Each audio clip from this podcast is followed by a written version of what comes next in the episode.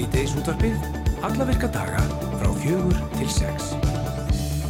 Og það eru Hrafnildur Haldarsdóttir og Guðrúndi Ísjæmistóttir sem ætla að stýra þetta dagsins. Í gær fór fram ráðstöfna undir yfirskriftinni Mennska er máttur líka í heilbríðiskerfinu og þar var rætt um þann veruleika að mistök eiga sér stað líka hjá heilbríðistarfsfólki. Stundum með mjög alvarlegum afleðingum. Þarna saði norski læknirinn Stíjan Vestval sögur sína en hann gerði banvæn mistök þegar hann tók á móti barni fyrir nokkrum árum síðan og segir ekkert mikilvægara en að heilbríðistarfsfólk segi sannleikan og gangist strax við mistökum sínum. Uh, hann telur fáminni Íslendinga gera þessi mál erfiðari. Og eitt þeirra sem að koma þessari ráðstöfnu er Jón Ívar Einarsson Læknir.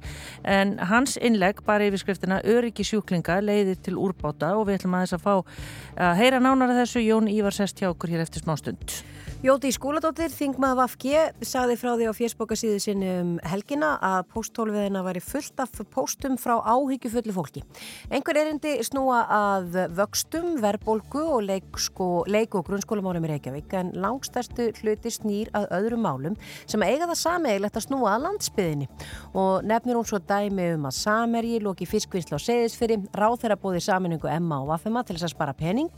Flugfélagið Erdnir mun hætta áallunaflug til Húsavíkur og svo týnir hún ímesselt annað til og bendir svo á að þessi störtlaða þróun get ekki gengið mikið lengur. Jótís verður á línni hjá okkur hérna á eftir. Og svo er það nýsköpunarverlun Samorgu sem voru veitt fyrir í dag og það voru fjögur fyrirtæki sem tengjast orku og veitugerunu sem voru þarna tilnæmt og það var fyrirtækið Atmonia sem var bara sigur og bítum en þar bæir verið að þróa umhverjusvenna framlegslu á ammoniaki sem að mun umbylta ábyrðaframlegslu sem tryggir uh, matvælauriki en frekar og það verið hægt að nýta það sem raf eldsneiti á skip og flugvilar Finnur Becker, frangatastjóri Samorgu hann allra koma til okkar ásand Guðbjörgurist sem er frangatastjóri Atmonia Og í dag þá byrtist grein á vísi sem hefur yfirskriftina Þögg þingmanna er ærandi eftir Guðrúnu Sigurðansdóttir bónda á glitstöðum og stjórnaforman veðifélast Norðurár. Uh, í greininni þá fjallar hún um eldistlagsinn sem að streymir upp í lagsveiði árna með tilröndi tjóni fyrir lífrækið og þá atvinnustarfsemi sem að stundu er á árbakkunum. Og í grein Guðrúnar kemur fram að stangveðiskapi 1200 störf velti 20 miljardar og að 2250 lögbíli hafi af henni beinartekjur og veltir hún fyrir sér hvað þurfa að gerast til að hlusta verði á málstað landeganda bænda og veiðimanna sem að velja verja vilda lagsin. Og við ætlum að ræða þessi mál og þá stöðu sem uppi komi við Jón Helga Björnsson, formann landsambands veiðifélaga hér síðar í þettinum. Og svo er það Sverri Norland, reytumundur og vinnur síðdeis útafsins, ég var að segja það, hann ætlar að koma til okkar með nýja bók. Þar er fjallað um fyrirgefningu, metnað, siðferðilega álitamál og ekki hvað síst um tilfinningasambönd Karlmanna. Og óvissust í almannavarna hefur verið líst yfir vegna mikill regninga á östfjörðum, appisinu gul veður, viðvörun tekur gildi á östfjörðum á miðnætti og hættusteg tekur gildi klukkan 6 í kvöld og uh, þá verður samæfinga miðstöð almannavarna virkuð. Jón Þór Vílundsson, upplýsingafulltrúi almannavarna er á línunni hjá okkur. Kondur sæl og blessaður Jón Þór. Já, góðan daginn. Ég er nú reyndar upplýsingafulltrúi í Sliðsarnafélagsins landsbjörgar. Já, já, já, já, já. Nei, nei, nei, nei. Við skulum hafa þetta á reynu. Já, höfum þetta hárið, þetta afsakaði þetta, Jón Þór. Ekki málið. Já, við heyrðum í, í, í fréttonum áðan að það væri búið að rýma einhver hús á Seðisfyrði og Sliðsarverðnafélagi því að þið hljótið að vera í viðbrastöðu. Við náttúrulega erum mjög meðvituð um þetta veður sem er að koma yfir og það er nú ekki nema bara rétt um þrjú ár síðan Þarna fjallu uh, talsvara skriður á þessu svæði sem að, það sem búið er að rýma. Þannig að við erum á tánum. Já, en hvað, þegar að svona er, sendi þið þá mannskap austur eða hvernig er þessu hátað?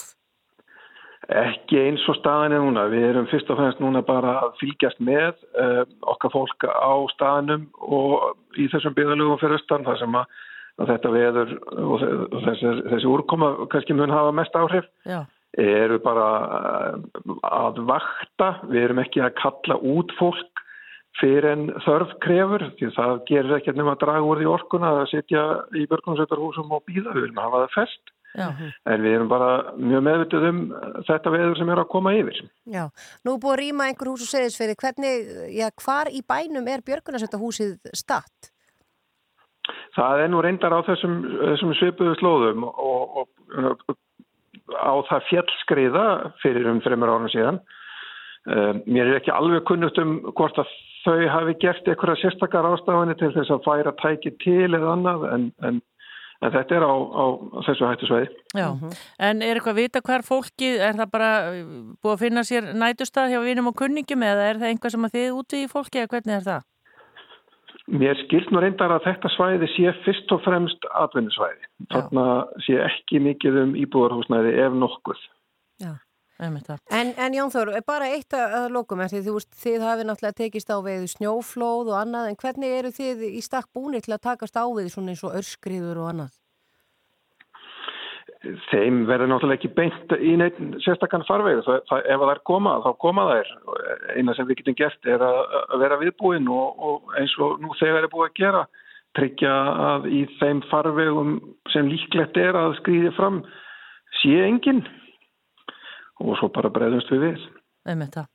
Við bara vonum það besta, bestu hverju til ykkar og gangi ykkur vel með þetta allt saman. Jón Þór Víglundsson, upplýsingafulltrú í Sliðsavarnafélagsins landsbjörgar. Fyrir gefðu þetta hérna í upphafi. Ekki máli, takk fyrir það. Takk fyrir spjallið, bless bless. Já, bless.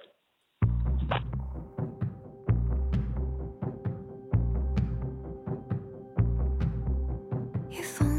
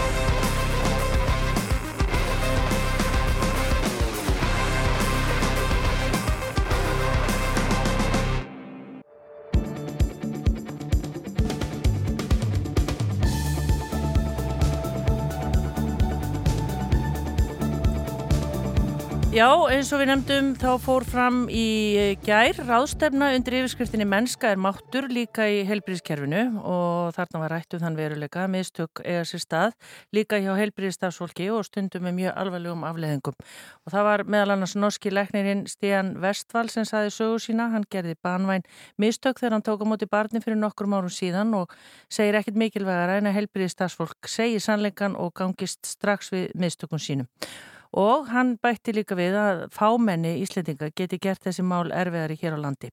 Og eitt þeirra sem að koma þessari ráðstöfni er Jón Ívar Einarsson læknir. Eh, hans innlegg bara yfirskriftina Öryggi sjúklinga leiðir til úrbóta og Jón er hingað komin. Velkomin. Takk fyrir. Eh, þetta svona, já þú skrifaði nú grein í morgunblæði fyrir einhverjum eh, vikum síðan þannig að þetta mál hefur líklega verið þér hugleiki í langan tíma. Já, það hefur verið það. Eh, ég meina, ég held að fyrir flesta lækna sem eru í klínsku starfi þá er þetta þeim mjög hugleikið að því að bæði auðvitað vegna þess að við viljum ekki að eitthvað koma fyrir okkar skjólstæðinga en, en svo snýr þetta náttúrulega okkur líka að eh, hérna, ef að eh, mistök verða að þá eru við hugsanlega eh, líka, eh, við berum ábyrða því hugsanlega. Og, og hérna eitt af því sem við rættum þarna var laga umhverfi heilbyrði starfsmanna sem að þarf að, að, að breyta og, og er reyndar í held ég ágætis farvegi. Er það eh, tölvört ólíkt því sem að þekkist annar staðar, laga umhverfi hér á landi? Nei, ég held að sé reyndar ekki kannski mjög ólíkt. Ég held að uh, að vísu, það kannski skortir aðeins að að skerpa á sagt, uh, þessu varðandi einstaklingin versus kerfislagan vanda þegar vinnurinn á stóru sjúkrási í fyrsta lagi er náttúrulega lækningsfæði er mjög, þetta eru ófullkomi vísindi þetta eru er eh, fló, flókin, eh, flóknir hlutir og það eru alls konar svona bóðskiptarleiðir og annað sem getur farið úr skeiðis og oftast er það nú ástæðan fyrir því eitthvað fyrir úr skeiðis, ekki það að einhver hafi beinlíni skert mistök og mjög sjaldan að þetta sé ásetning, ásetningi og það er náttúrulega erilega svolítið fyrir utan þessa umræðu því það Eh, ef að það er ásetningur þá náttúrulega er það eitthvað sem að hérna, lauröglan á að vera köllu til Já. en það sem hefur gest uh, eh, undarfærið er að það hefur verið sagt, þegar að í raunni mistök hafa orðið eh, út af kærislegu vanda þá hafa heilbyrði starfsmenn jafnvel uh, verið leitir út í handjátnum að lauröglu og, og, og sótið til saga og þurft að fara hérna, fyrir domstóla og, og hérna, sem tekur langan tíma og hefur mjög neikvar afleðingar í förmið sér við komum til jæfnvel þó að síkn, síkna, síknudómur kannski komi tveimur ára setna eða eitthvað. Og þetta er eitthvað sem er endar eins og ég segi í ágætisfarvegi og það er uh, líkuð fyrir uh, þingslóð til að sem verður tekinn fyrir núna í vettur vonandi á þinginu þar sem að verður aðeins, þetta verður aðeins gert að þessu að, að hérna, ef að uh, raunverulega þetta hafi verið kerfislega vandi að þá er það kannski þá á ekki að refsa þessum heilbyrðstarfsemanni sérstaklega fyrir það mm -hmm. og, og þetta er eitt af, ég, semst, í þessari grein minni þá var þetta einn af fimm hlutum sem að ég myndist á til þess að auka öryggi súkuleikana með því að hafa þetta svona þar sem að þú ert með yfir áttífur höfðir uh, hérna svona, ég bel bara að fara í fangelsi þá er, hefur kúltúrin kannski svolítið verið e, þannig að, að menn hafi verið ekki að vera opnir með það að viðkennumistök, hafi eppil verið að leina hlutum, breyta gögnum og það e, hérna, er ekki til þess að þá fyrsta lagi tapast traust og öðru lagi þá læru ekki af þeim mistökum sem að urðu, þannig að þeir eru svolítið svona þöggu nýður. Mm -hmm. Þetta lítur að vera bara í staðstu ótti allra heilbreyðstarfsmanna að gera einhver svona mistök? Já, algjörlega og, og því miður þá ef maður er í klínisku starfi að þá verður, það verða mistök hjá flestum og, e, og líka bara fylgjikvillar sem eru kannski ekki endilega mistök. En, en það er semst e, alltaf að heilbríðismástaflinu metur að þannig að, e, að um 10% sjúklingar sem að leggjast inn á, á bráðsökrás verða fyrir skafa og um helmingurinn af þeim tilfellum hefði hef verið þetta komið veg fyrir. Já. Þannig að sjúkraðs eru stórhættilegi staðir. Já, en gerir fólk sér alveg grein fyrir því að þetta er alltaf há, há prósetta sem hún segir, allir, allir fólk fattir þetta? Ég, ég held ekki og ég held kannski líka að sumir eru, þú veist, hafa kannski svona, má segja, órannar vandingar, halda að heilbíðstarfsfólk sé bara, allir séu fullkomnir og þetta sé allt bara mjög svona staðlaða stærðir og allt, þetta er bara eins og að fara með bílinn í, í hérna, skiptum mótor í bílinnum en þetta er ekki þannig það, það, er, það er miklu, er miklu margi, fleiri óvissu þættir og, og eins og ég segi, margt sem við skiljum ekki alveg fullnæstu í langsveginn en þá þó, þó, að, þó að þekkingin þróist mjög hratt Já, þú talar hérna um hennan refsirama sem er bara vonandi verið að endur skoða og þú bara bjart sitt gagvar því. Þú talar líka um símentun heilbriðistarsús Já Er, er henni ekki nú vel uh, synd eða hvað? Bara alls ekki. Það er engin krafa um símentun helbriðistarsfólk. Það er, sagt, uh, það er sagt, hljumis, sko, uh, maður á að gera það sem helbriðistarsmör, en það er engin að fylgjast með því og það er engin rammi utanum það. Það, það veit engin hvort þú er að fara á eina ráðstöfnu eða tíu ráðstöfnur eða hvort, hvað átt að gera. Það er, engin, það er engin að fylgjast með því og þú, þegar, þú, þegar maður klára sitt sérnám sem að Þetta er náttúrulega mjög langur allir með þessi lækningssvæði, þú fer í lækningssvæði, svo fer í sérnám og svo undir sérnám, þú er kannski 35 ára gamall eða eða meira þegar þú loksist klárar þetta allt saman og þá ertu virkilega vel mentaður, eh, að, þú ert, þekkir þitt sérsvið, undir sérsvið mjög vel, en síðan semst, máttu vinna þannig bara til 75 ára aldurs án þess að nokkur tekja á því hvort að þú eh, hafið eitthvað viðhaldið þinni þekkingu og e, sko 40 árum þá breytist e, sko þekkingin innan hver gríðarlega, það, það er bara allt annað, þetta er allt annað sko sérsvið runni eftir 40 ár. Mm og auðvitað eru flestir eh, heilbíðistarsmenn uh, eh, þeir viðhalda þekkingu sinni, ég held að flesti ger það, en það er alltaf ykkur sem gera ekki. Og það sko tilgangur fyrir tilgangur símyndunar og tilgangur að tjekka á að setja lámark staðla í símyndun uh, eh, er að í rauninni ekki til að refsa fólki heldur til að semst, finna þá sem að ná ekki þessum lámark stöðlum og og, og hjálpa þeim þá að lifta sér upp, að, að fara þá okkur á kursa eða fá eitthvað eh, leiðbennhinda eða eitthvað slíkt. Allt stöðlar þetta að bættu öryggisjúklinga og það, það er alveg klart uh, í okkar litteratúr að semst, til dæmis í mínu fæi það sem ég er mest að gera skurðagerir að, að lækni sem er að gera fáar aðgerir á ári versus lækni sem er að gera margar það er, það er oftast nær í flestum tölfræðilegu munur á hættu á fylgjikvillum og öru Eh, þá sem er að gera meira er bara hreinlega betri eða hefur, hefur læri líkur eða minni líkur á að eitthvað komi fyrir. E, þannig að eh, þetta, upp á þetta vantar. Það er náttúrulega, sko ástæðan er kannski að hluta til að til þess að setja þetta fót, þá þarf náttúrulega að skipulegja það, þá þarf einhver að fylgjast með þessu þá þarf einhver að ákveða hvað á að gera og, og, og, hver, og ef einhver nærisvekki að stendist, stendist ekki hvað á þá að gera. Þannig að það þarf ákveðana yfirbyggingu og það kostar það kostar tíma að það er fólk í það og, og kannski er það eitt af því sem að hérna, stendur í vegi fyrir því En skeru við okkur úr hvað þetta varðar? Já, það er, eh, ég myndi segja flest lönd eru með einhvers konar hérna, símöndun eða kröfu um símöndun og ég menna ef maður horfir á bara aðrast þú veist, flugi sem er mjög mikið hérna svona lítið til að því að þau, þau í fluginu hefur þetta formalisera mjög vel, þú ert að, að halda þig við, þú ert að ákveðna marga flugtíma til að bara mega fljúa og, hérna, og, og, og í mörgum öðrum greinu líka en, en ekkert neginn hjá heilbíðastarsfólki er engin uh, krafa um þetta. Það er búið að tala um þetta í mörg ár, uh, sannlega 20 ár eða meira en ekkert hefur gerst og ég uh, fór í mitt sérnám í bandaríkjónum og er síðan hefur verið starfandi þar núna í mjög langan tíma og ég held að í bandaríkjónum sé svona sennilega svona símyndun hvað mest stöðluð og, og formaliseruð eiginlega bara í heiminum held ég geti fullert og þar þarf maður til dæmis að, að, að hérna, taka próf í, á hverju ári svona stittara próf og svo lengara próf á sex ára fresti. Og þegar ég var í fórsværi fyrir stór, ég var fórsetið svona stæstu samtakan en mín sérsviðs fyrir nokkur árum uh, og þá ákvaði við að, að búa til uh, próf frá grunni sem að, sem að prófar Uh, sagt, okkur bæ, eh, sagt, hérna fólki mín í fæi bæði í bóklegu hlutanum og verklega hlutanum.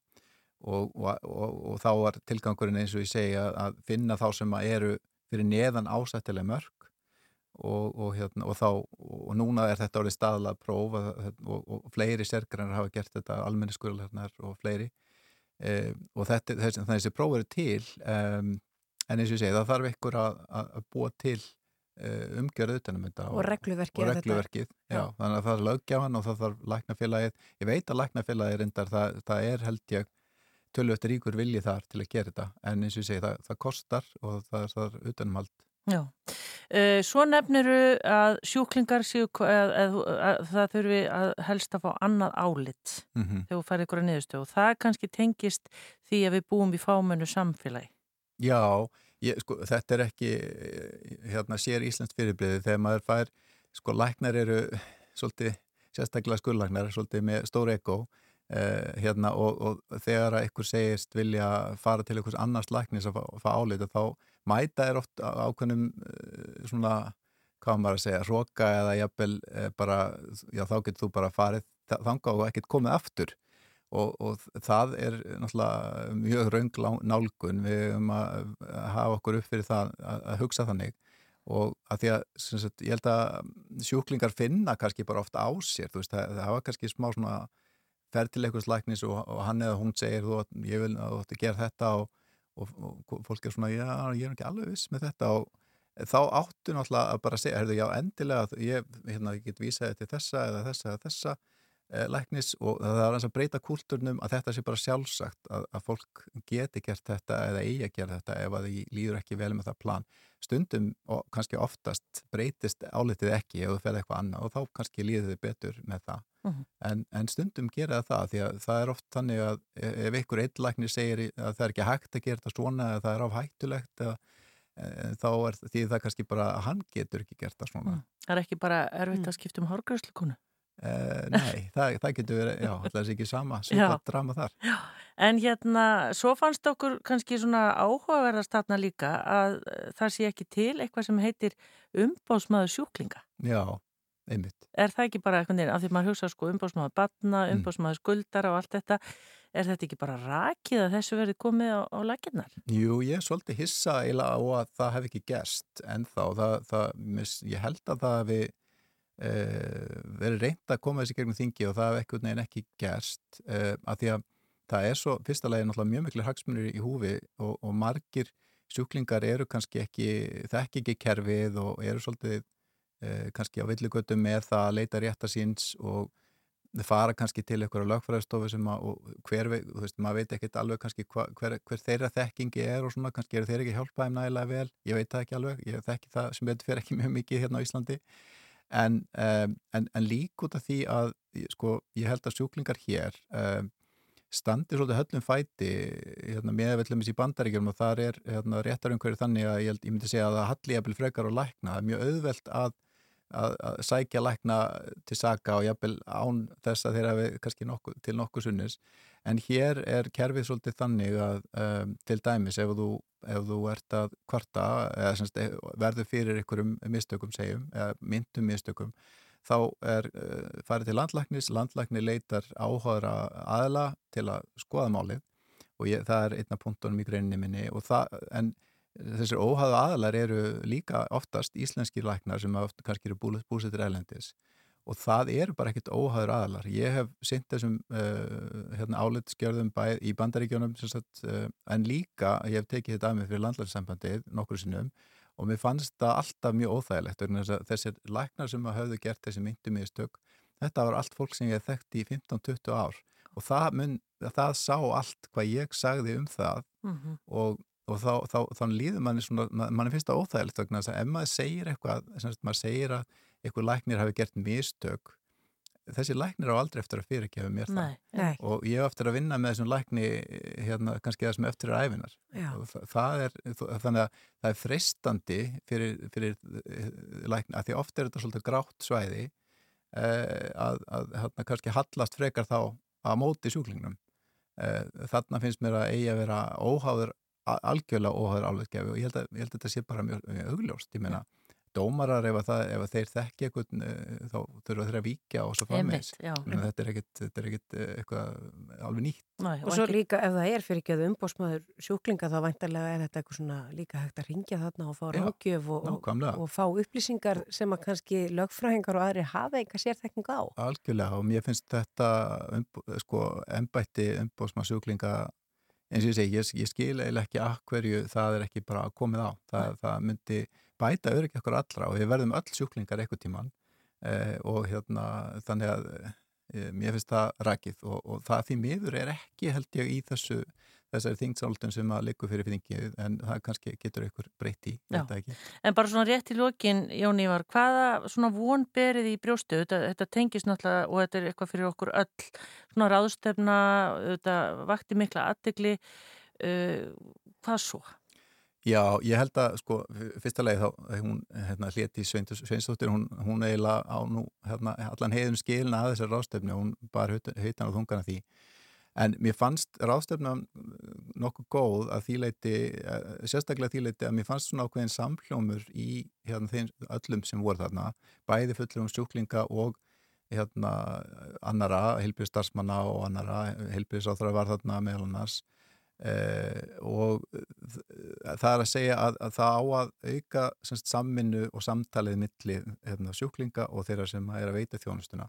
Og það er einmitt hérna, þemað hjá allþjóða helbriðsmálstofnunni uh, að veita sjúklingum meiri insýn og, og, og, og hérna, taka, taka þá meira með í þetta samtal. Bara eitt lítið dæmi frá spítalunum sem ég vinn úti að þegar ég klára að setja einhverja nótu inn uh, þar sem ég kannski hitt eitthvað í fyrsta skipti uh, og þá um leiðu ég sagt, klára nótuna að þá fer hún beint uh, til viðkomandi. Og viðkomandi getur lesið nótuna og sendt mér eða einhverjum sem vinnur hjá mér skilabóð og segir þú glemtir að segja ég minn hérna ofnaði fyrir þessu síklarlegu eða og, og allt svona eigur öryggi sjúklinga. Við sem, sjú, ef ég er sjúklingur eða þið eða hver sem er þá þú veist, við eigum okkar gögn og okkar skjöl og við eigum að hafa algjöran aðgang að þeim, beinan aðgang að þeim vegna þess að það eigur öryggi okkar allra held ég. Já, mm.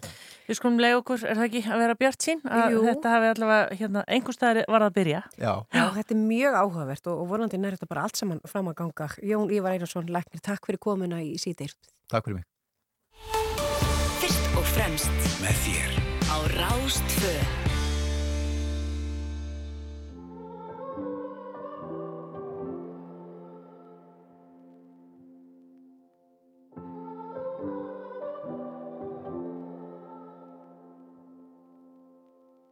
A broken heart is all that's left.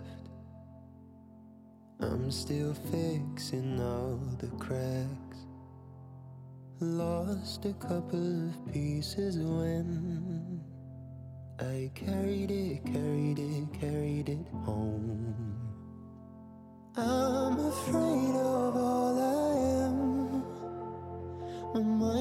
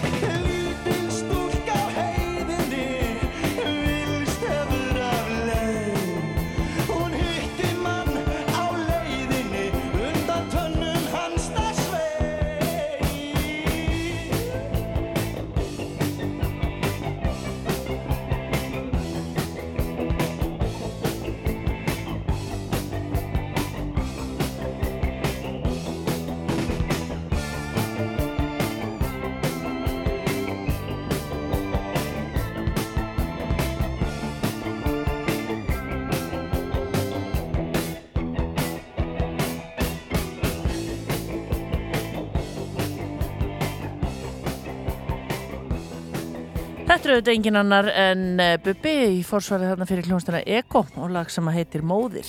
Heldur að hafi margi sungið með núna? Já, ég var vonaði. Er það ekki? Jú. Það er alltaf mánudagur svona í þessu öllu saman hjá okkur. Já, En það rignir mikið fyrir norðan og austan og, og svona. Sendum kveðjur þanga. Við sendum góðar kveður þangað og ætlum að fara mitt í viðurspána hérna yfir hana ítarlega hérna eftir.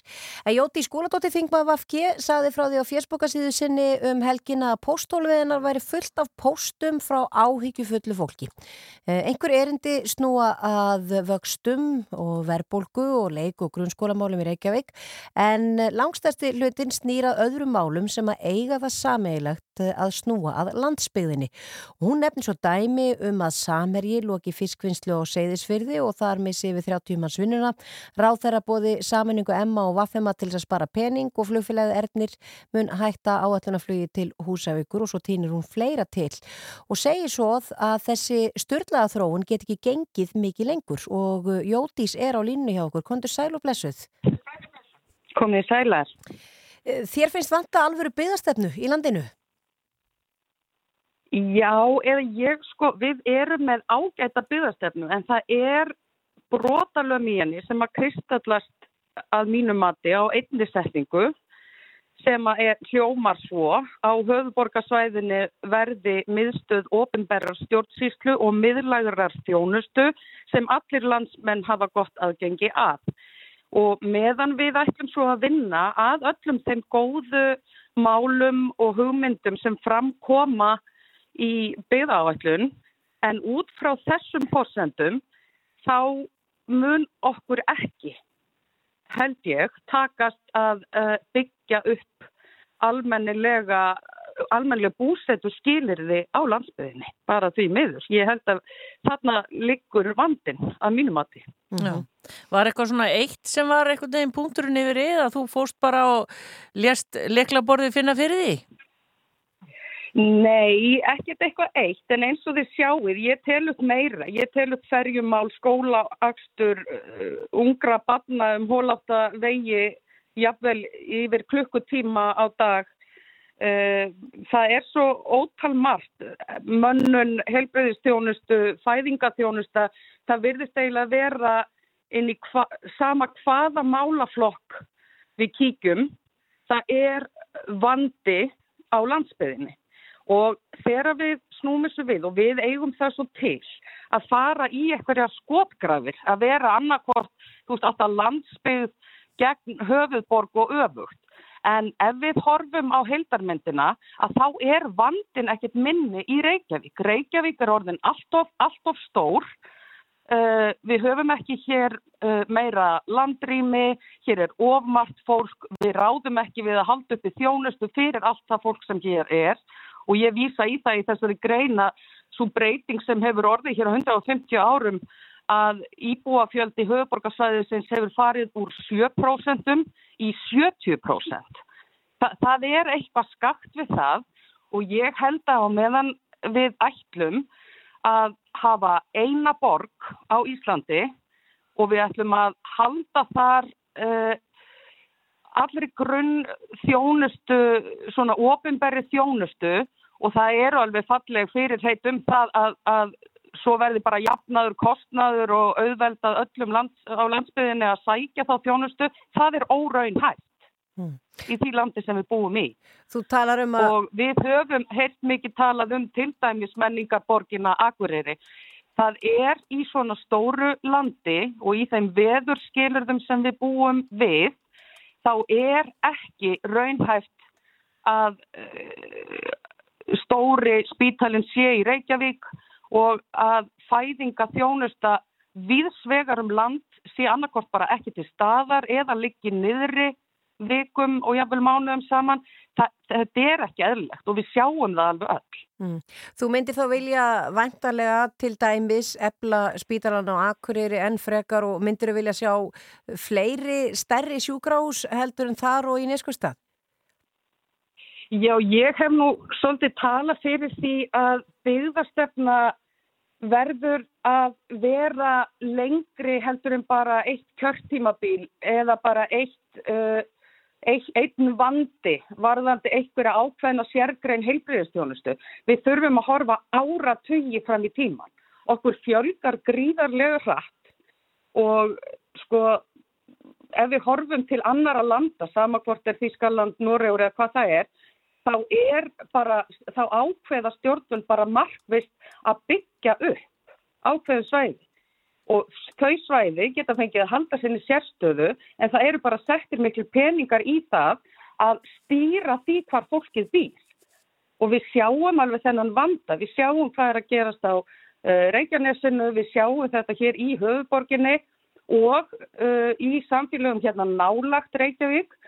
En svo erum við bara með gríðarlega stór svæði fyrir vestan, norðan og austan þar sem við höfum allar fórsendur, atvinnulega, landfræðilega, uh, mannauðslega til þess að byggja upp og taka á móti miklu fleira fólki en við munum ekki geta gert það ef við ætlum að halda alltaf í þá ránkúmynd að hafa einhverja eina miðstöð uh, fyrir flesta hluti í Reykjavík. Mm. Og ég er ekki að segja að, að stefnan sé hann dónýtt, ég er ekki að segja að það sé ekki verið að gera neitt. Ég hef nú kynnt mig sérstaklega vel uh, verkefni brotthætta byggði, búin að heimsækja bæði stöðafjörð, borgarfjörð, bakkafjörð og, og, og fleiri staði þar sem að er öflug vinna í gangi með nákvæmlega þessari hugsun en ég held að eitt af stóru verkefnunum sé að ofinberð þjónusta, ofinberða stopnanir þurfa miklu meira leiti að vera á landsbyðinni. Já, þú Þannig að talar... þú veist, lausninar eru ymsar en fyrst og fremst eins og ég segi í mínum pistli þá þurfum við bara einhvern veginn að endurhugsa málið og taka nýja ákvörðun um hvernig við viljum sjá Ísland eftir 50 ár. Já, þú talar um það einmitt að höfustöða ríkistofnun eigi að vera um allt land. Heldur þú að einhver stjórnmálamaður eða uh, ráðherra muni þóra að taka skarið og færa einhverja stofnanir út á land eins og, já það fóru nú allir upp á afturleipanum til dæmis þeirra fiskistofa að færa norður?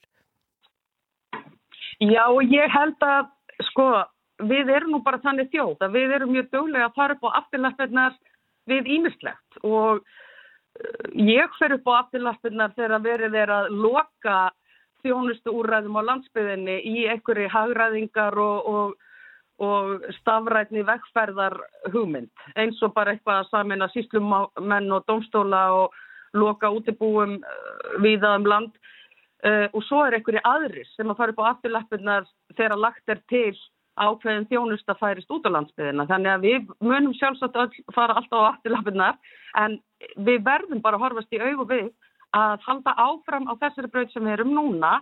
Það, það er ekki að virka. Það er ekki að virka fyrir höfuborgina og það er ekki að virka fyrir landsbyðina.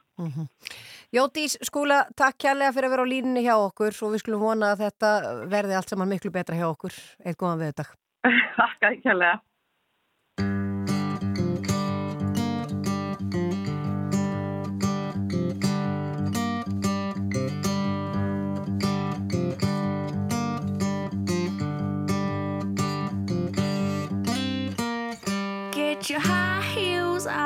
chest, cause they're hurting me.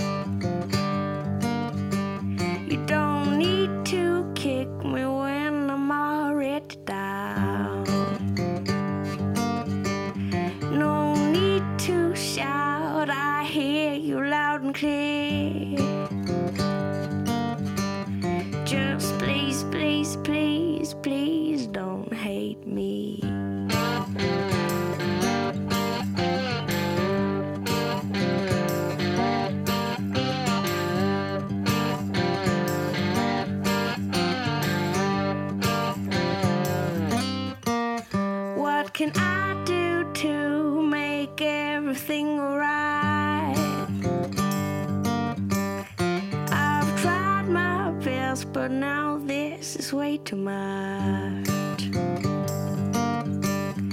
I can beg, I can bleed, I can even make you weep. But just please, please, please, please don't hate me.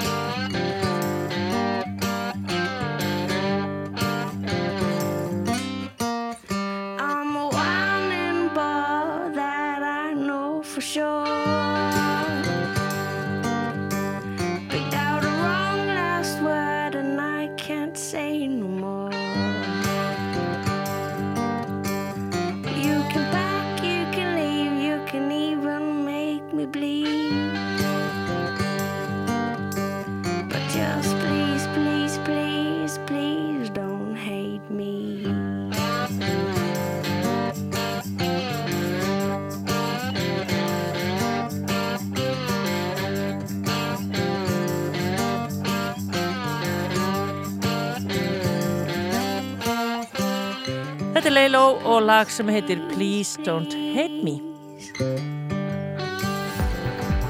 Veðurhorfur næsta sólaringin. Já, veitir ekki að því að fara aðeins yfir veðrið. Það er norðaustlaga átt 10 til 80 metrar á sekund og rigning. Talsverðið að jafnvel mikil úrkoma austanlands kvassast á vestfjörðum og það er hægari vindur og yfirleitt þurft og bjart suð vestan til. Það er norðaustan 13 til 20 á morgun, kvassast suðaustalands og víða rigning með köplum.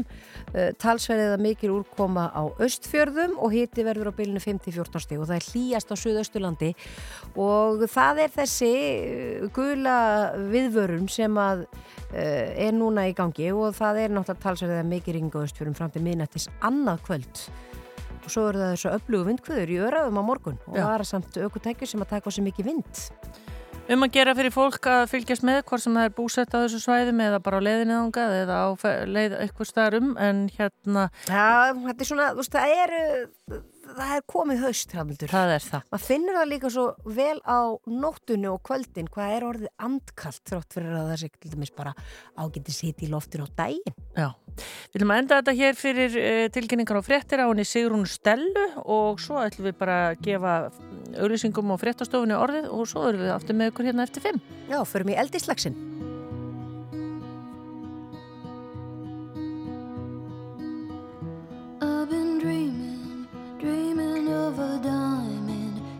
I hear you cry? I've been thinking, thinking of my lifeline, thinking I would fly.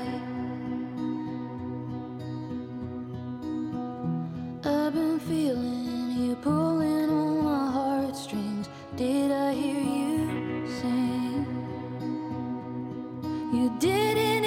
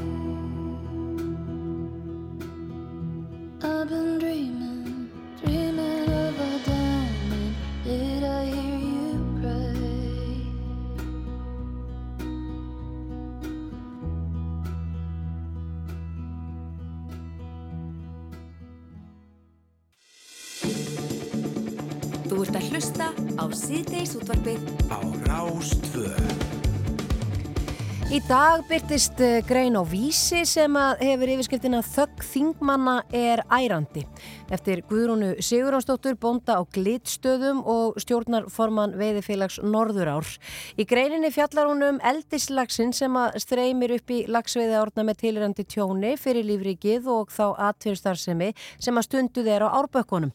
Og í grein Guðrúnar kemur fram að stangveiðiskapi 1200 störf velti tögum miljarda og að 2250 lögbíli hafi af henni beinar tekjur og veltir hún fyrir sér hvað þurfa að gerast til að hlusta verði á málstað landeiganda, bænda og veiðimanna sem að vilja verja vilda lagsin. Og við erum komið mannar inna sem heitir Jón Helgi Björnsson, hann er formaður landsabands veiðifélaga til þess að já, ræða stöðuna í þessum málum. Kondur sætlu og blessaður Jón Helgi? Já, sælblösa. Ert þú sammála þessum orðum ennar guðrunar um að þögg þingmanna sé ærandi?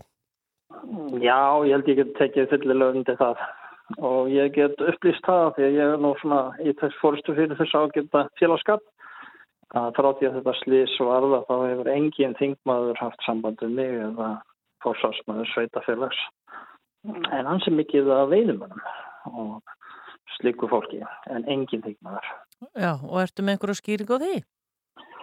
Sko í rauninni hefur það verið þannig að það hefur náttúrulega verið reygin gríðalugur áraður fyrir þessu sjókjældi og uh, þau stíðast náttúrulega mjög sterk samtök fyrirtækja sjálfði sem hafa í rauninni haldið í rauninni fram þessum málstaf að þetta eldi síði lægi og þetta byggjum störf og vermaði en alltaf glemt þessar hlýðar áhrifum sem er gríðarlega alvarleg áhrif að þessari starfsemi á vilka lagstofna. Mm -hmm. Og að við vara við þessu í mörg ár? Já, í rauninni hefum við marg oft hitt bæði umhverfisráð þeirra þingmenn og sjáðsráð þeirra eða matlarverðráð þeirra og farið í rauninni bara yfir einslu nákvæmlega þjóðakar af þessu eldi og marg sínt þeim fram á hversu alvarleg um, áhrif af svona eldi geta verið á viltalagstofna en uh, menn hafa nú bara einfallega ekki mikið hlusta á þetta Heldur Jón Helgi að fólkarna úti sé kannski bara ekki nógu mikið eða vel upplýst um það hvaða áhrif það hefur að fá eldislagsin upp í árnar og sé kannski ekki að átta sig á hversu alvarlegt það er ef hann fer að blandast þarna með viltum lagsi? Einhver leiti hefur verið búin til einhver svona mynd að þetta væri í lægi og þessi samtök hafa náttúrulega haft uh, möguleika ára á það þarna til sín fyrirvændi fórstjóra alþengis, formann samtaka fyrirtækja í, í sjárótvi, uh, jafnvel formann bæjar á Ísafjörðabæjar. Þetta er saman öflut fólk sem hefur auðvitað haldið þessu málstafi á loftið og reynir búið til þá hvað sé glansmynda þetta myndi ganga upp og sem það auðvitað gerir ekki og núna horfa menn bara fram í blákalda staðrænt að þegar menn eru bara með þetta eldi og frjóum fisk, frjóum fiskum þá eru bara alltaf að sleppa fiskur og þeir hafa mjög alvarleg áhrif á umhverfið og vilka lagstofa. Já, það kemur líka fram eins og Guðrún nefndi hérna áðan að í, í greinin en að Guðrúnar að öll þessi störf sem að stangveiði eða lagsveiði uh, skapar, þetta er kannski einhverja tölu sem að já, ekki allir hafa kannski átt að segja á. Sko ég veit nokkið alveg, ég er nokkið alveg kannski á því að þetta séu svona marg störf eins og það maður koma fram á en, en til dæmis er það þannig að 70% af launatekjum og arfi í landbúnaði e, á Vesturlandi er frá stangurðinni. Þannig að þetta er gríðarlega stór hluti í atvinnu uppbyggingu í sveitum og í rauninni tekjum þar. Þannig að það eru miklu hagsmunir í rauninni undir fyrir dreifingið. Mm -hmm. Og hverjir eru að berjast fyrir, ég vilt að lagsastofnin, ég veit að landsamband veiði félaga því náttúrulega er það að berjast fyrir þessu en einhver hafa bent á það hvort að bændasamtökin ætti að blanda sér í þetta líka Hva, hvað segir þú um það? Þetta hafa bændasamtökin alltaf verið okkur svona jákvæð og hliðhóll þau hafa hins vegar mjög marga aðra hagsmunni að verja kakvar stjórnvöndum og hafa væntar að þá valið það að vera ekki að skella sig í þennanslag. Við höfum kannski ekki vilja gangi í bændarsamtökin einfallóta því að við viljum geta haldið mjög harfri orðræðu um þessa hagsmunni og vilja vera kannski bara óbundin til þess. Nú okkar samhérar eru einfallega fólk sem ekki væntu náttúruna. Veiðmenninu okkar og leiðutakar og almennt fólk sem er umhugað um náttúruna. Það er uh, já, bandamenn okkar í þessum slag. Við höfum aldrei geta í rauninu unni þetta einhverjum svona fjárhagslegum grunni. Já, en, en Jón Helgi, er ekki, ég fer ekki að verða vonlöst fyrir alþingismenn og, og ráð þeirra og aðra eh, annað en að fara að láta heyra eitthvað í sér. Jú, ég, ég held allavega sko þeir sem er að styðja þetta eldi e, þeir eiga ekkert erindi réttir í húnarsýslu, það er, það er augljóst það þýðir ekkert lengur að vera með uh, að segja að vera með kápunum báðum öxlum, sko. það er ekki ég held að það sé bara þegar mann horfa fram með þetta blákallt núna afleggingan aðsöldi þá þýðir það ekkert lengur. Og við svo sem þegar þetta kom upp þetta stóra umhverfsli sem mæntilegt stærsta umhverfsli sem var orðið á Íslandi e, þá fundum við í rauninni með stjórnvöldum og hver var niðurstan? Jú, það var að byggja landiðandur um að hjálpa við að, að þrýfið bósmál Já. en það var ekki til einn viðbræðsáallun það var ekki og þó menn uh, senda einhverjum köfurum þá erum menn ekkert að fara að reynsa blöndu með því. Nei, Nei, ég ætlaði að mynda að spyrja bara rétt í lokin sko, ertu bjart síðan á að þetta breyti miklu að það séu komnir uh, kafarar sem að eru, eru hérna búin að gera þetta lengi og kunna til verka að það, það muni eitthvað Og þeir eru með skutulbissur. Já, já, Nei, ég raunni, ég bara, já, menn, það er hægt að ná einhverju litlum án, sko, en í starri ámis og vex og jæðabæði að blöndu, þá er það bara það er svo hægjað í raunni. Já. Það er bara, tvær, það er bara ein lausn, eða tvær lausnir á þessu vandamál. Það hans vegar það að menn al ekki lengur frjóan fisk og fari bara einfallega og, og veri bara með ófrjóan fisk, eða fara með allt þetta eldi upp á land og loka sem kvíum. Það er eina leiðin til þess að venda íslenska lagstof til miður og að ljú- að ljúa sjálfum sér einhverju annari leið í þessu til miður, það bara þýðir ekkert. Jón Helgi Björnsson, formaður landsambands veiðifélag, takk fyrir að vera á línni hjá okkur í síðdegi í Já, takk fyrir að ringi mig. Þú ert að hlusta Á síðdeis útvarpið á Rás 2. Heimurinn tifar beip, snýst ekki bara í ringi. Dansgólfi viðar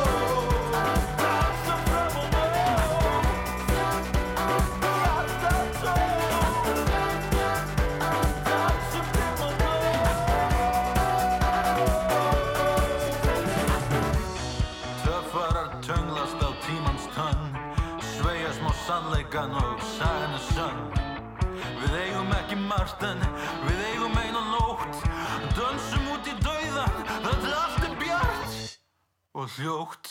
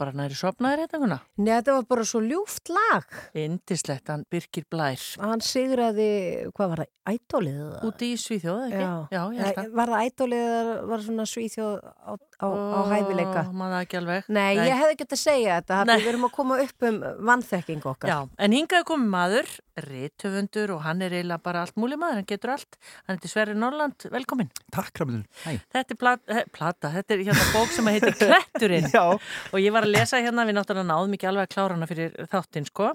Það er alltaf að eh, ég hef lesið hana. Já, þú hefur lesið hana. En þetta er svona, hvað er svolítið svona, er þetta þungsaga svolítið? Nei, ja, ég veit ekki. Náttúrulega titillin er þungur. Já. Kletturinn, hljóman eins og það sé svolítið þingslið þar. Já. En þetta er svona aðeins kannski öðruvís en ég hef gert á þér. Þetta er svona svolítil ráðgáta eða spennusaga og ég blanda sem sagt svona trikkunum sem maður notar í spennusögu saman við bara svona hefbundnari skáldsögu. Þannig að það er svona að vera að draga mann svolítið í gegnum söguna, byggða upp spenna, en svo er ég bara þannig höfundar, ég verð alltaf að vera með eitthvað aðeins meira undir, þannig að það eru líka svona siðferðilegar pælingar og einhver hinsbyggi og svo fjallar hann alltaf bara um lífið og sásökan sem vilkið því að vera til Einmitt. en það er hins vegar, það er döðsfalli sögun og svona ráðgáta Það er semst vinir sem þú getur sagt okkur smá. Já, ég skal bara gera það. Hann Einar er aðalpersonan og hann er pappi, hann á þrjú börn og er hérna, stendur svo ágætli því hann er atvinnulegs. Og við svona smá aftum okkur að því að það hefur aðeins bitna á sjálfsálutinu. Hann er giftur Emblu sem er svona glæsilegur skörungur í stjórnmálum og hann á vin sem heitir Brynjar sem hefur staðið svo rosalega vel í lífinu og notið mikillar velgengni í bandaríkjunum og er að flytast aftur heim.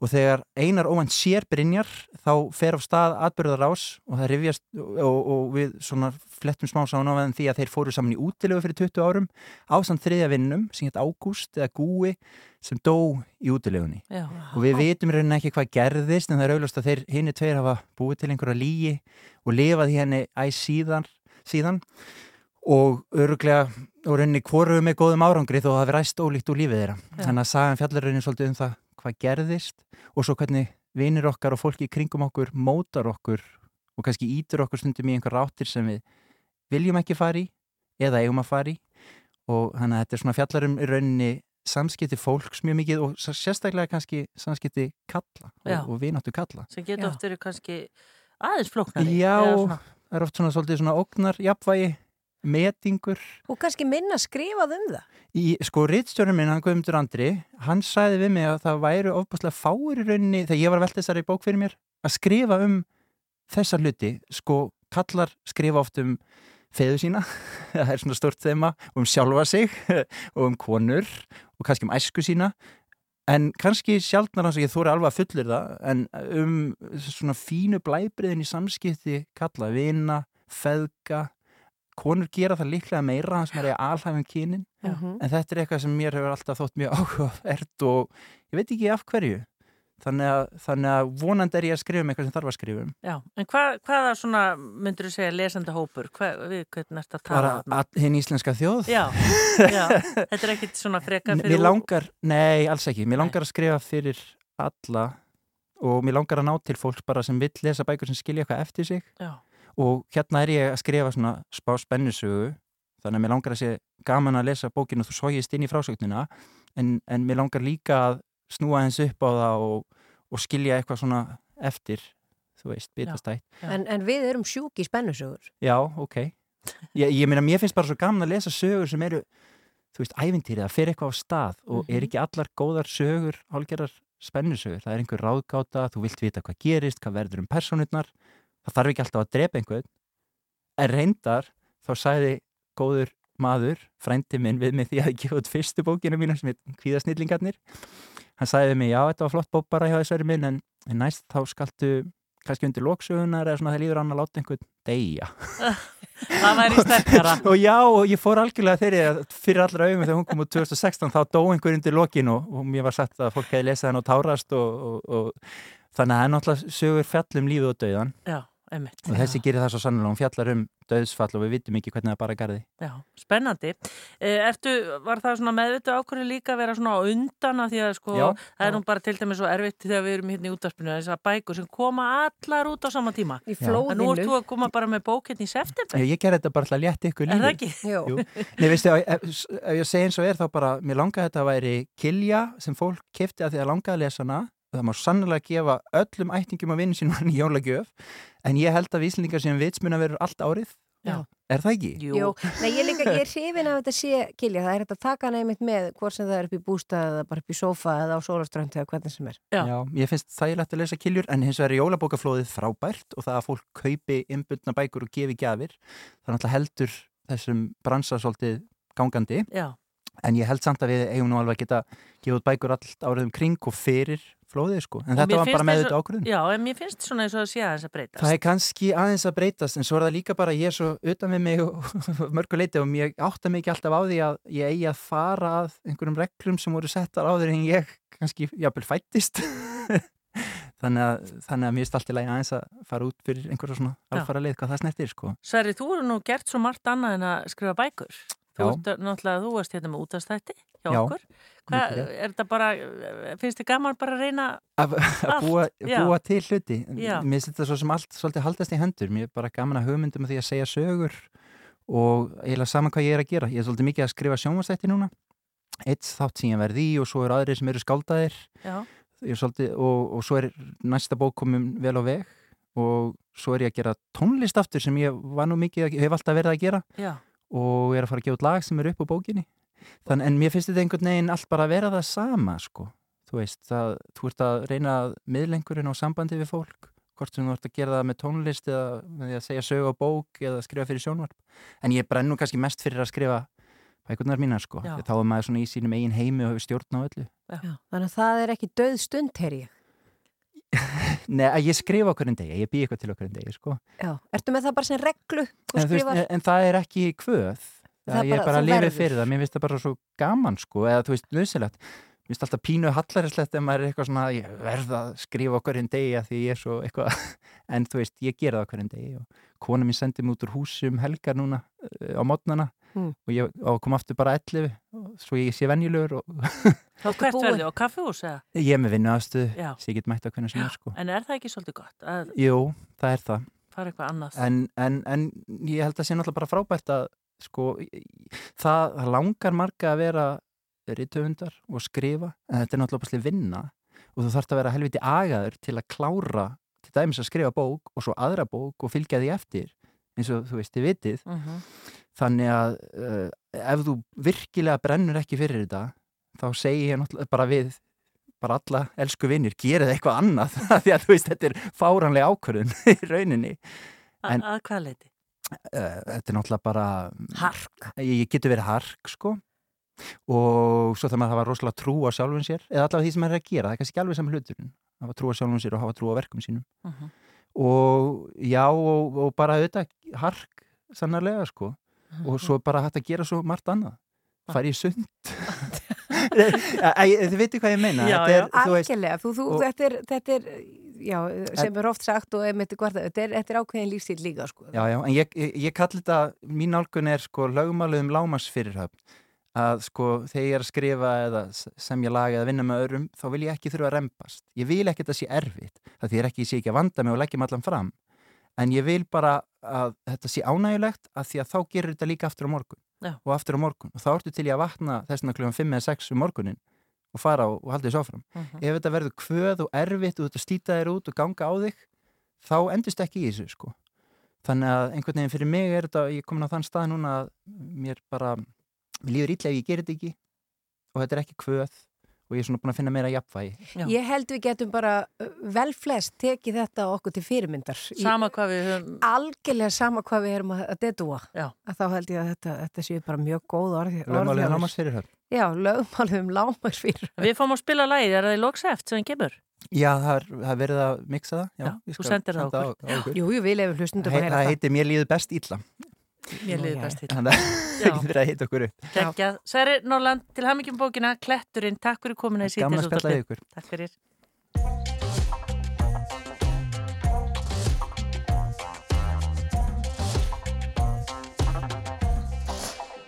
Það er hell olíu á eld og neistar fjúka um Lofur kift og seld með blíðum augunum Ertu eina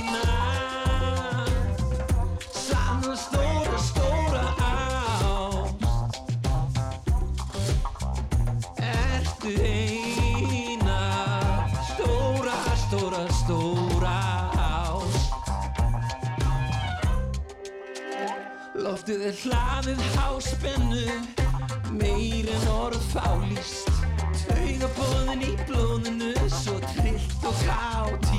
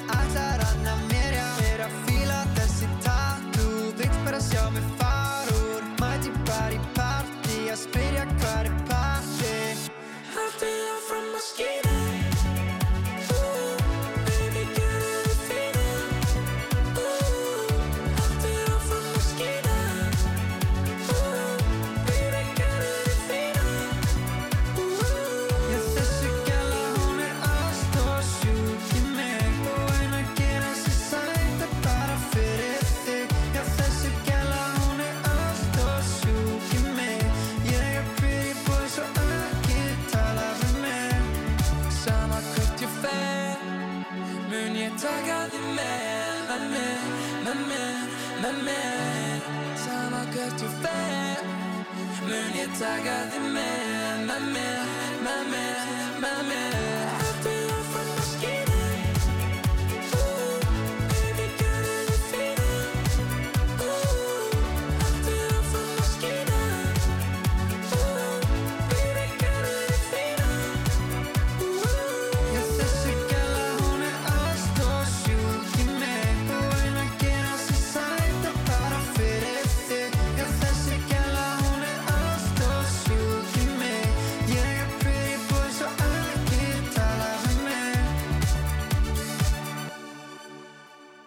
Þetta eru Luigi og Patrick og lag sem heitir Skína. Já, og við sungum hér hástöðu með Alveg, kunnum textan með þess Já. En fyrir dag þá voru nýsköpunarvelun Samorku veitt og það, það voru fyrirtæki sem tengjast orku og veitugerunum þarna til nefnd og það var fyrirtækið Atmonia sem að bar sig úr bítum. En þar að bæ er verið að þróa umhverfisvæna framleiðslu á ammoniaki sem að mun, uh, sákat þessari tilkynningu sem við sáum hérna, umbylta áburða framleiðslu sem svo tryggir, matvæla öryggi um allan heim Og til að heyra betur af þessu eru þau komin ykkar Finnur Beck, frangatustjóri Samorku og Guðbjörg Grist sem er frangatustjóri Atmonia. Velkomin. Takk fyrir. Ef að byrja þér Finnur, uh, eru þessi velun veitt einu svona ári eða hvað? Já, þau eru veitt einu svona ári og þetta er í þriðja skipti sem að velunin eru veitt. Um, við reynum að nota þetta takkifært til að lifta metnaðafullum og, og flottum verkefnum, nýsköpunum verkefnum í okkar geira. Þannig að þetta er alltaf svolítið gleði dagur. Það voru kynnt þarna líka fleiri verkefni í dag, mjög metnaðafull. Já, þannig að það hefur verið erfitt að vera í dómnefnd. Já, ég var eitthvað ekki í dómnefndinni því að þetta er nú bara þannig í þessum geira að það þarf alveg sérfræðing á hverju sviði til þess að takast á við þetta. Þannig að við erum með dómnefnd sem er svona með fólk bæði eh, með reynslu úr nýsköpuna geiranum en ekki síður bara fólk úr orku og veitu geiranum með svona tæknilega insýn inn í hugmyndirnar og það er svona til heiðurs þessum, þessum síguverðar sem ég sko þetta til hamingju, það var búið að liggja svolítið vel yfir þessu og rýna þetta frá mörgum hliðum, það kom fram í máli talsmann dómnefndarinnar í dag að þau eru bæði að skoða tæknina og nýnæmið eins og það er kallað, hvað, er- hvað, er- hversu mikið nýtt er þetta, en líka hvernig er búið að stilla hugmyndinu upp og, og svona setja verkefni niður, leggja verkefni niður fyrir sig til, til lengri tíma. Já. Og Guðbjörg, þetta er dálítið spennandi það sem maður sér hérna umbylta ábúraframleyslu og tryggja matvæla öryggi um allan heim og ég segi það líka, finnur það hlýtur að vera freistandi að veita velurinn til einhver sem allar sér að gera það. Já, þetta er ekkert, þetta er hálfleitt markmið. Já, segð okkur aðeins frá þessu. Já, við erum sem sagt að þróa nýja aðferð við að framleiða ammoniak og ammoniak er, er aðalinni haldsefnið í ábyrði en ammoniak er líka framleitt úr gasi og kólum. Þannig að það er ekki, ekki beint umhverfisvænt en samt algjörlega nöðsynlegt til að við halda bara fæðu framleyslu í heiminum. Og við erum í raunin að þróa aðferð sem að er allt öðruvíseldur núverandi aðferðir við að framleiða þetta ammoniak. Getur þú á einhvern hátt sagt okkur það á mannamáli hvernig þetta er gert? Já, í rauninni einfaldasta lýsingin er við tökum inn vatn og uh, loft um, og inn í tækið, setjum yfir það ströym og úr því verður ammoniak. Já. Við búum í rauninni til Vatn og loft? Já. Og straumur. og rammag. Og það er, það er nú tengingin við orkuna. Þetta, þetta er náttúrulega er orkufrekur yðnaður. Já. Og ammoniak er líka hægt að nota sem eldsniti á skip og flugvilar. Ég veit núna að það voru einhver af hérna, útgerðafélagunum sem fengur núna úr orkusjóði e, styrki til þess að prófa ammoniaks e, vélar á e, fiskiskip á Íslandi. Þannig að það er mjög spennandi og mikil þörfa því. Já. En þannig að það er líka kannski það sem maður horfir svona lengra til framtíðar er ammoniak sem e, orkugjafi. En hvernig verður svona fyrirtæki til? Hver fær svona hugmynd? E, það, e, þetta var nú uppalega e, prófessor í háskólanum, Egil Skúlason, prófessor í efnaverkvæði, sem að byrja þetta rannsóknarverkefni og fekk svo til liðs við sig Helgu Dögg Flósadóttur, sem er doktor í efnafræði og Arnar Sveinbjörnsson, sem að er, já, eðlisverkfræðingur. Já. E, sem að þau byrjuðu e, og stopnuðu fyrirtæki saman e, 2016 þetta er, þetta er langklaup og hefur verið lengi í rannsóknum og lengi, lengi í þróun Eru margir sem starfa þarna á? Já, við erum með 15 starfsmenn í dag og talsvölda starfstarfsaðalum líka nefnendur og, og rannsóknarfólk frá, frá háskólanum sérstaklega sem að vinna með okkur líka Já.